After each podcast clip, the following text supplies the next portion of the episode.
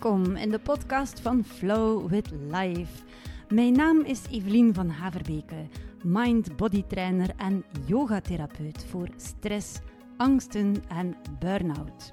Via uitgebalanceerde trainingen met mindfulness, pranayama ademhalingsoefeningen, yogatherapie en andere somatische technieken leer ik mensen dagelijks hoe ze de connectie kunnen herstellen met hun lichaam, van daaruit rust kunnen creëren in hun geest en zo terug een gezonde mind-body balans kunnen bekomen.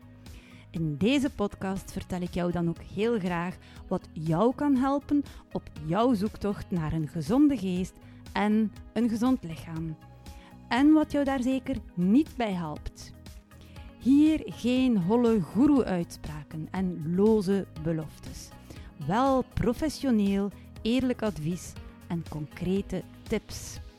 Spits dus je oren, ga meteen aan de slag en vooral flow with life.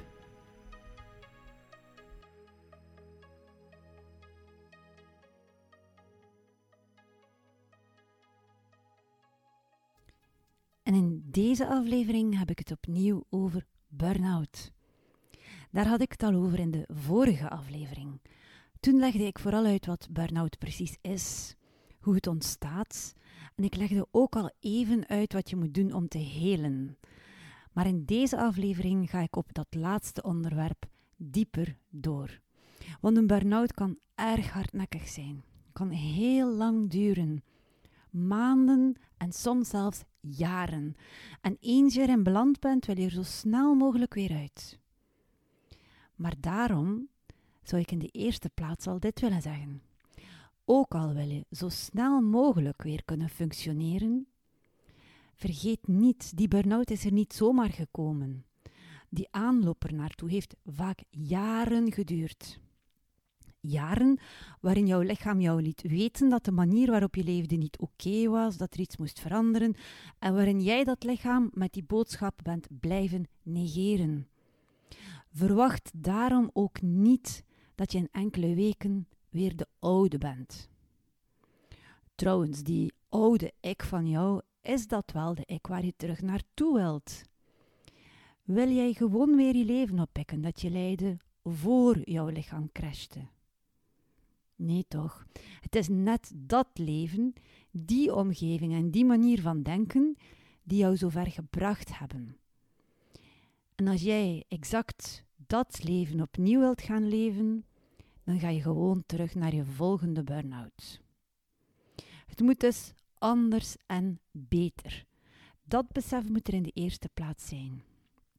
En een van de dingen die je zult moeten gaan ontwikkelen, is dus de vaardigheid om te vertragen.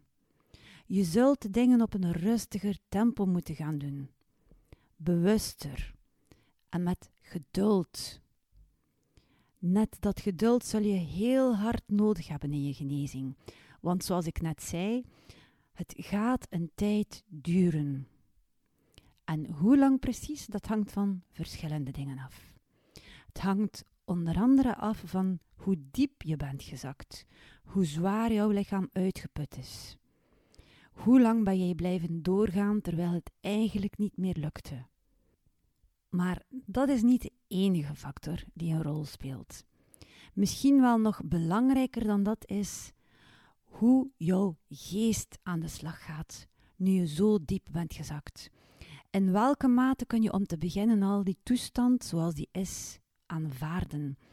En hoe bereid ben je om aan je mindset te gaan werken, om tijd te gaan vrijmaken voor actieve relaxatie, voor zelfontwikkeling, voor rust, voor alles wat nodig is om te kunnen genezen.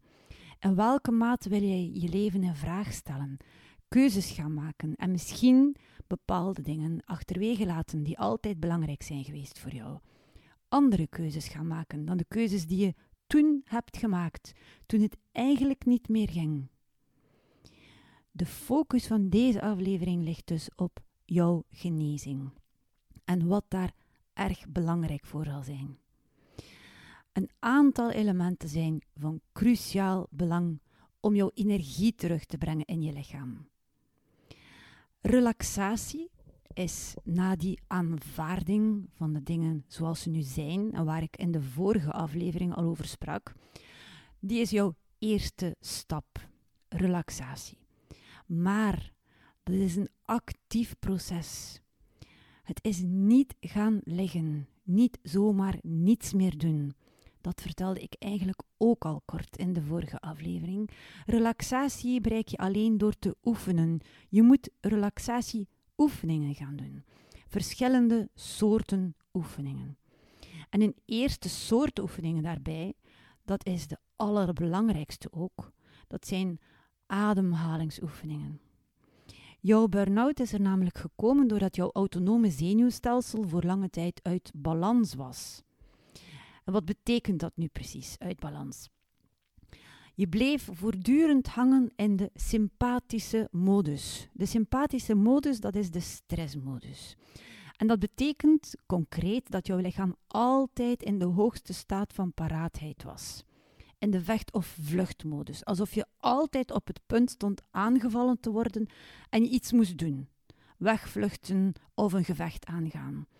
En daarbij kreeg je dus een verhoogde hartslag, een snelle en oppervlakkige ademhaling, een verstoorde spijsvertering, gespannen spieren.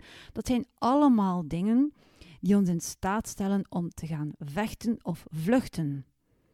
Maar je was helemaal niet in gevaar.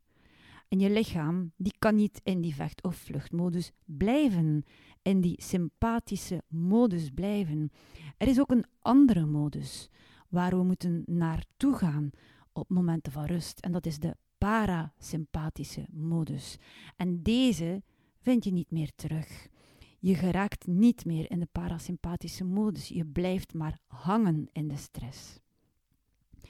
En dat is een probleem voor jouw autonome zenuwstelsel, dat dus volledig die balans kwijt is, dat niet meer van de ene naar de andere toestand kan heen en weer gaan. Je autonome zenuwstelsel is een deel van je zenuwstelsel dat dus autonoom opereert je lichaam, zelfstandig. Dat betekent dat je het niet zomaar kunt gaan controleren. Je kunt bijvoorbeeld je hart niet zomaar een minuut doen stoppen met kloppen op commando. Dat zal niet lukken. En gelukkig maar, want je zou het niet overleven. Het klopt helemaal vanzelf. We moeten er niet aan denken. Je spijsvertering, net hetzelfde. Die kun je niet op commando sneller of trager doen gaan. Maar gelukkig maar dat we er ook niet moeten aan denken, want anders zouden wij de hele dag moeten dat sturen en dan zouden we eigenlijk niet veel anders meer kunnen doen. Ademen is ook iets dat volledig zelfstandig gebeurt. We moeten niet voortdurend denken dat we moeten ademen. Ons autonome zenuwstelsel regelt dit en doet dit vanzelf. Maar hier ligt net het speciale van die ademhaling. Het behoort wel tot ons autonome zenuwstelsel, maar het is de enige functie ervan die we eigenlijk wel kunnen controleren of beheersen. Je kunt je adem op commando versnellen, vertragen. Je kunt je adem inhouden voor een bepaalde tijd. Je kunt dieper ademen, oppervlakkiger ademen. Allemaal als jij dat wil. En daar zit de kracht van onze adem. Want een rustige en diepe ademhaling stimuleert jouw parasympathische modus, de rustmodus van je zenuwstelsel. En op deze manier kun je dan toch uit die spiraal geraken waar je in was beland. Die spiraal die altijd maar neerwaarts ging, waar je bleef hangen in de stress. Pranayama, ademhalingsoefeningen, dat zijn de ademhalingsoefeningen van de yoga. Die zijn daar uitermate geschikt voor. Ze behoren tot een traditie die al 3000 jaar bestaat. En dat betekent dan ook dat ze al 3000 jaar hebben kunnen bewijzen dat ze werken. Het zijn prachtige oefeningen. Er bestaat een hele waaier aan pranayama. En ze hebben allemaal tot doel om jouw volledige gezondheid te bevorderen. De ene oefening richt zich op bepaalde organen of bepaalde functies en de andere oefening dan op andere organen of functies. Maar vooral worden ze gebruikt om rust te creëren. En geest en lichaam. Want als je een burn-out hebt, dan weet je het maar al te goed. Geest en lichaam die hangen volledig aan elkaar. Die functioneren als een eenheid. Je kunt onmogelijk heel veel stress hebben in je geest en een lichaam dat volledig in rust en in balans is. Dat kan niet. Omgekeerd ook niet. En er zijn er heel veel mooie pranayama ademhalingsoefeningen die jou kunnen helpen om die balans weer te creëren. Zo is er bijvoorbeeld de yoga-ademhaling, waarbij je zes tellen inademt, acht tellen uitademt en in die tijd ga je drie volumes in je lichaam vullen, alsof je drie ballonnetjes hebt die je telkens vult en die je dan weer leeg maakt bij het uitademen. Er is ook bijvoorbeeld de vierkante ademhaling, waarbij je telkens vier tellen inademt, vier tellen rust, vier tellen uitademt en weer vier tellen rust. En er is de prachtige oefening Nadi Shodhana, waarbij je afwisselend het ene en het andere neusgat dicht houdt en dan ook weer vier tellen inademt, zes tellen uitademt.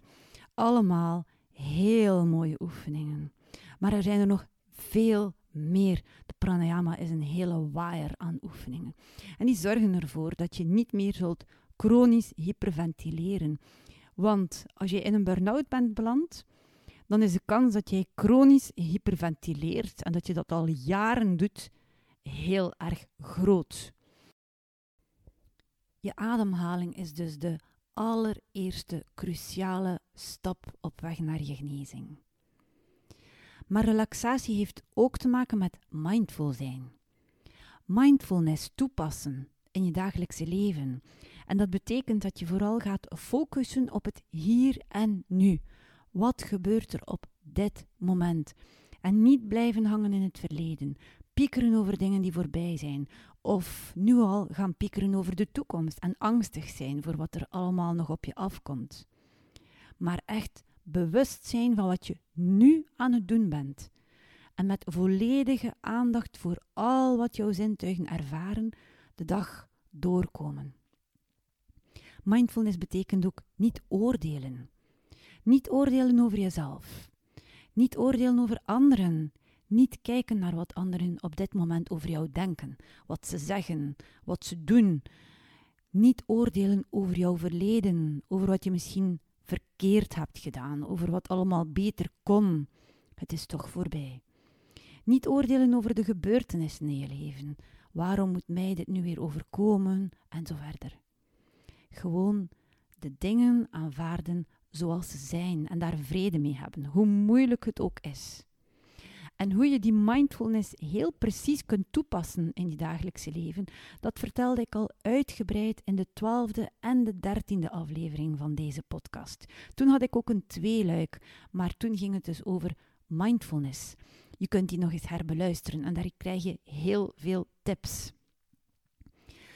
Bij een burn-out komt wel een specifieke uitdaging in die mindfulness.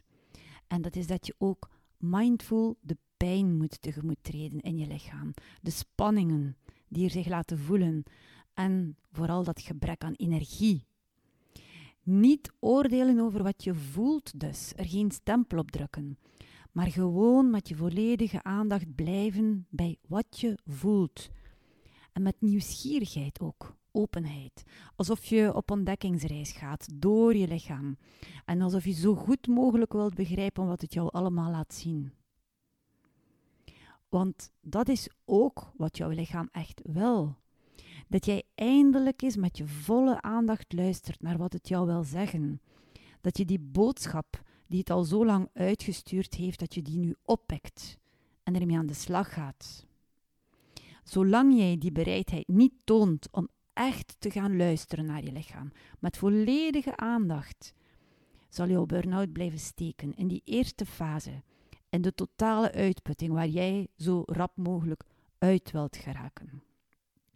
Het heeft dus geen zin om dat lichaam te blijven negeren. Het is er, het laat jou voelen dat het er is en jij moet echt je aandacht er naartoe richten, hoe moeilijk het ook is. En daarnaast is het belangrijk dat je gaat mediteren. Meditatie is eigenlijk een soort van mindfulness next level. Het is een oefening waarbij je gaat zitten en niets anders doet dan focussen op één ding. Bijvoorbeeld op je ademhaling.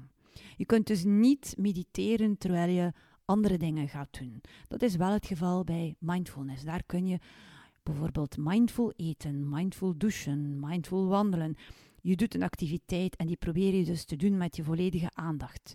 Maar meditatie, dat is een formele beoefening van mindfulness. Daarvoor moet je echt speciaal tijd uittrekken. Je moet gaan zitten en je doet niets anders dan mediteren.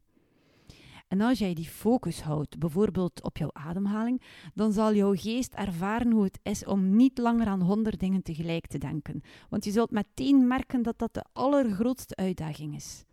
Je zit in een burn-out omdat je hoofd zo druk was, omdat er misschien honderd gedachten door elkaar in één keer aanwezig waren. En dan plots moet je op één ding focussen. En alle, alle andere gedachten, die zijn overbodig. Die horen er niet thuis in dat hoofd van jou op het moment dat je aan het mediteren bent. Het is heel erg moeilijk in het begin, maar het is een vaardigheid. Het is trainen, trainen en blijven trainen. En als je doorzet, dan herwin jij je vaardigheid om je te concentreren. Want ik ben ervan overtuigd, als je in die burn-out zit, dan was je al heel lang aan het worstelen met het houden van je concentratie. Dat lukt op een bepaald moment niet meer als dat hoofd veel te vol zit. En ook over meditatie maakte ik al eens een hele aflevering, aflevering 11, waarin ik alles uitlegde. Hoe je het precies moet aanpakken, hoe je het moet doen, welke uitdagingen je kunt tegenkomen en zo verder. Het loont echt wel de moeite om deze aflevering dan ook eens helemaal opnieuw te beluisteren of voor de eerste keer te gaan beluisteren. Maar er zijn nog dingen die echt noodzakelijk zijn om te genezen van een burn-out. En een van die dingen is beweging. En misschien denk je onmiddellijk, ja, daar heb ik nu echt totaal geen zin in. Geen energie voor ook. Ik ben veel te moe om te bewegen. Ik wil alleen maar liggen. Misschien hoogstens zitten. Maar het is noodzakelijk dat jij, zodra dat lukt, echt wel aan het bewegen gaat. Soms is het inderdaad onmogelijk. Ik herinner me hoe ik de eerste zes weken van mijn burn-out niet eens uit mijn bed geraakte. Het was echt extreem. Ik had zoveel spierpijnen over mijn hele lichaam dat ik huilde van de pijn en ik kon eigenlijk nauwelijks de trap af. Ik kon niets doen in het huishouden. Ik kon onmogelijk een toertje gaan wandelen. Dat lukte niet. 50 meter ver was al te veel. Dus dat kan ook wel dat het helemaal onmogelijk is, maar het is wel uitzonderlijk. De meeste mensen met een burn-out zijn wel nog in staat om op zijn minst een kleine wandeling te maken. En als dat lukt, doe het dan. Doe het zeker, ook al heb je totaal geen zin. Want wandelen zal zorgen, hoe contradictorisch het misschien ook klinkt, dat jij je energie terugwint. Je zou gaan denken, ik moet mijn laatste beetje energie opofferen aan die wandeling, maar zo gaat het niet. Doordat je wandelt, doordat je in beweging komt, zal jouw batterij gaan opladen. Wandelen is sowieso een natuurlijke behoefte van ons als mens. Eigenlijk is het zo dat je ons goed kunt vergelijken met een dier op dat vlak. Als jij een hond hebt, dan weet je dat je die hond geen week aan een stuk moet opsluiten. Dat die echt wel naar buiten moet en dat die moet bewegen. En je denkt misschien dat jij die behoefte niet hebt, dat jij met gemak een week kan binnenblijven. Maar nee, het zit in ons, die behoefte. Maar het is er eigenlijk uitgegaan doordat wij als kind werden getemd, zoals een wild dier. Je weet dat kinderen niet kunnen stilzitten. Ze willen altijd maar bewegen. Ze willen overal lopen in plaats van gewoon stappen. Ze willen alles uitproberen. Kinderen kunnen heel moeilijk gaan zitten, zeker niet voor langere tijd. Maar wat gebeurt er? Kinderen worden verteld dat ze moeten zitten, dat ze moeten blijven zitten. Vooral eens naar school gaan. Blijf op die stoel, loop niet weg. En op deze manier worden we als het ware getemd. Maar die natuurlijke behoefte, die zit in ons. Het is een instinct. We hebben het alleen niet meer door. Bewegen elke dag is echt wel noodzakelijk. En dan is er een behoefte die daar heel nauw bij aansluit. En dat is ons contact met de natuur. Ook wij hebben als mens een natuurlijke habitat. Precies ook zoals de dieren weer. Dieren hebben een habitat waarin ze floreren. Een bepaalde habitat waarin ze zich thuis voelen. Met bepaalde planten die daar horen, met het voedsel dat ze kunnen vinden, met een temperatuur die daarbij hoort. We moeten een ijsbeer niet in de woestijn gaan zetten. Maar wij als mens hebben van onze natuurlijke habitat ons huis gemaakt. En we zitten voortdurend tussen stenen, glas, beton, staal en zo verder. En we hebben niet meer door dat we eigenlijk iets missen. Maar wat we echt missen, ook omdat het heel diep in ons verankerd zit, dat is dat contact met de natuur. Het is een behoefte. Dus als je gaat wandelen, omdat je nu eenmaal ook moet bewegen, ga dan wandelen in de natuur. En voel ook die connectie. Voel dat je een deeltje bent van dat universum. Een deeltje van dat geheel. Maak contact met alles rondom jou. Visueel contact. Ook eventjes voelen aan de dingen. Luisteren. De vogels die je hoort. De wind door je haar en door je oren en zo verder. Probeer het eens allemaal volledig te observeren. Op die manier ben je ook mindful. Je bent het eigenlijk allemaal in één keer aan het doen. En het zorgt ervoor dat jouw bloeddruk zal verlagen, je hartslag vertragen, je ademhaling die zal ook rustiger worden. In de natuur gaan onze lichaamsfuncties allemaal beter gaan werken. Het is zo belangrijk. En verder is natuurlijk ook een goede slaaphygiëne van cruciaal belang om te herstellen. Slaap niet te vaak overdag, vooral niet als je merkt dat jouw nachtrust er dan door wordt gesaboteerd. Het is vaak zo dat je erg moe kunt zijn en dan in de namiddag bijvoorbeeld in je bed gaat kruipen voor enkele uren, maar dan raak je s'nachts niet meer in slaap. En op deze manier zorg je dat je je belangrijkste slaap dan toch niet hebt. Probeer om niet in een diepe slaap te gaan overdag. Ga 20 minuutjes liggen, zet een wekker en sta dan terug op. En je mag eventjes gaan liggen als het niet goed gaat, maar niet meteen te veel slapen. Zorg vooral dat je s'nachts slaapt. En verder moet je natuurlijk je, lichaam zo gezond mogelijk houden door gezond te eten en doen wat jou energie geeft. Kijk niet naar wat anderen daarvan vinden of wat anderen daarover zeggen, over wat jij doet tijdens je burn-out. Ik heb al zo vaak cliënten horen zeggen: Ik zou eigenlijk graag eens dit doen of ik zou graag eens dat doen, want ik zou daar echt veel deugd van hebben. Maar wat gaan de mensen zeggen? En als ik nu een collega tegenkom en die ziet dat ik tijdens mijn burn-out een koffietje zit te drinken met een vriendin, wat gaat hij daarover zeggen? Die collega hoeft helemaal niets te zeggen. Jij bent in een burn-out. Jij moet voor jezelf zorgen. Jij moet doen wat je denkt dat je moet doen om beter te worden. En een koffie gaan drinken met een vriendin kan één van die dingen zijn. Je hoeft je nergens voor te verantwoorden. Stel ook duidelijke grenzen. Je bent maanden of jaren lang over je grenzen gegaan. Het is tijd om nu al te oefenen en het stellen van grenzen, niet alleen om nu beter te kunnen genezen, maar ook om te zorgen dat je na die burn-out je daarin geoefend hebt, dat je kunt zeggen: dit zijn mijn grenzen. En anderen die moeten die respecteren. Het heeft geen zin dat anderen er voortdurend overgaan en dat ik dat laat gebeuren, want dan ga ik opnieuw dezelfde weg op. Dus je grenzen leren stellen is ook een oefening en begin er zo snel mogelijk aan. En dan zijn er al die vragen die waarschijnlijk in je hoofd aan het spelen zijn. Ga ik terug aan het werk gaan? Ga ik opnieuw diezelfde job doen? Begin niet te snel met die vragen voortdurend in je hoofd een plek te geven en daar een antwoord op te willen. In het begin van je burn-out ben je niet in staat om op een heldere manier daarover na te denken. En het hoeft trouwens ook niet. Je moet eerst herstellen. En als je voelt dat het herstel gevorderd is, dan kun je eventjes gaan nadenken. En doe dat dan vooral op een rationele manier. Niet piekeren, piekeren en voortdurend in kringetjes denken, maar ga gewoon zitten, neem een blad papier en schrijf op wat zijn mijn opties. Wat voel ik ook als ik denk aan het teruggaan naar dezelfde job? Voel ik dat ik dit wil doen of voel ik dat het absoluut niet goed voor mij is? En als het dit het laatste antwoord is, dan ga ik op zoek moeten gaan naar een andere job. En dan doe ik dat gewoon. Doe niet de dingen die ervoor gezorgd hebben dat jij een burn-out hebt gehad, gewoon opnieuw. Wees lief voor jezelf en meld. En heb niet altijd het gevoel dat alles moet. Er zijn dingen die moeten, maar die zijn er zoveel minder dan jij misschien wel denkt.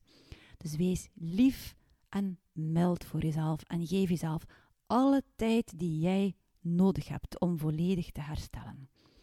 Als jij naar je werk terugkeert en je bent maar half hersteld, dan ga je heel snel terug thuis zijn. En dan ben je nog meer ontmoedigd, want dan moet je opnieuw beginnen. Als jij daar meer wil in begeleid worden, in die relaxatie, in die zelfzorg, in het reguleren van je zenuwstelsel, zodat jouw zenuwstelsel terug in balans komt en je meer rust gaat ervaren, zowel in je geest als in je lichaam, dan heb ik heel binnenkort een prachtig programma. We gaan starten begin januari met een eerste groep die wil streven naar rust en balans in geest en lichaam. En het programma heet Zen. Ik heb onlangs de naam gekozen. Het is een heel mooie naam, vind ik. Ik vind het al een mooie klank. Het heeft ook een mooie betekenis. En Zen zijn ook de eerste letters van zenuwstelsel. En daar ga ik jou alles over leren. Hoe je dat zenuwstelsel terug kunt balanceren, in balans brengen, reguleren. Dus als je geïnteresseerd bent in dit online programma, volg me dan zeker. Niet alleen hier in deze podcast, maar ook via mijn flow notes. En dat zijn de mails die ik stuur om de tien dagen ongeveer naar alle mensen die zich daarop hebben geabonneerd. Ik hou jou in die mails zeker op de hoogte. Je kunt me trouwens ook volgen op Instagram. En op Instagram krijg je dan ook nog heel veel tips. Wel, dit was het voor deze keer. Abonneer je op mijn podcast als je graag meer wilt horen, meer tips, meer advies, meer dingen die jou het leven iets gemakkelijker kunnen maken. En als je denkt dat deze podcast zeker ook iets is dat iemand anders moet horen, iemand die ook met een burn-out kampt, stuur de link dan vooral door. En ondertussen zorg heel goed voor jezelf en vergeet zeker ook dit niet. Flow with life.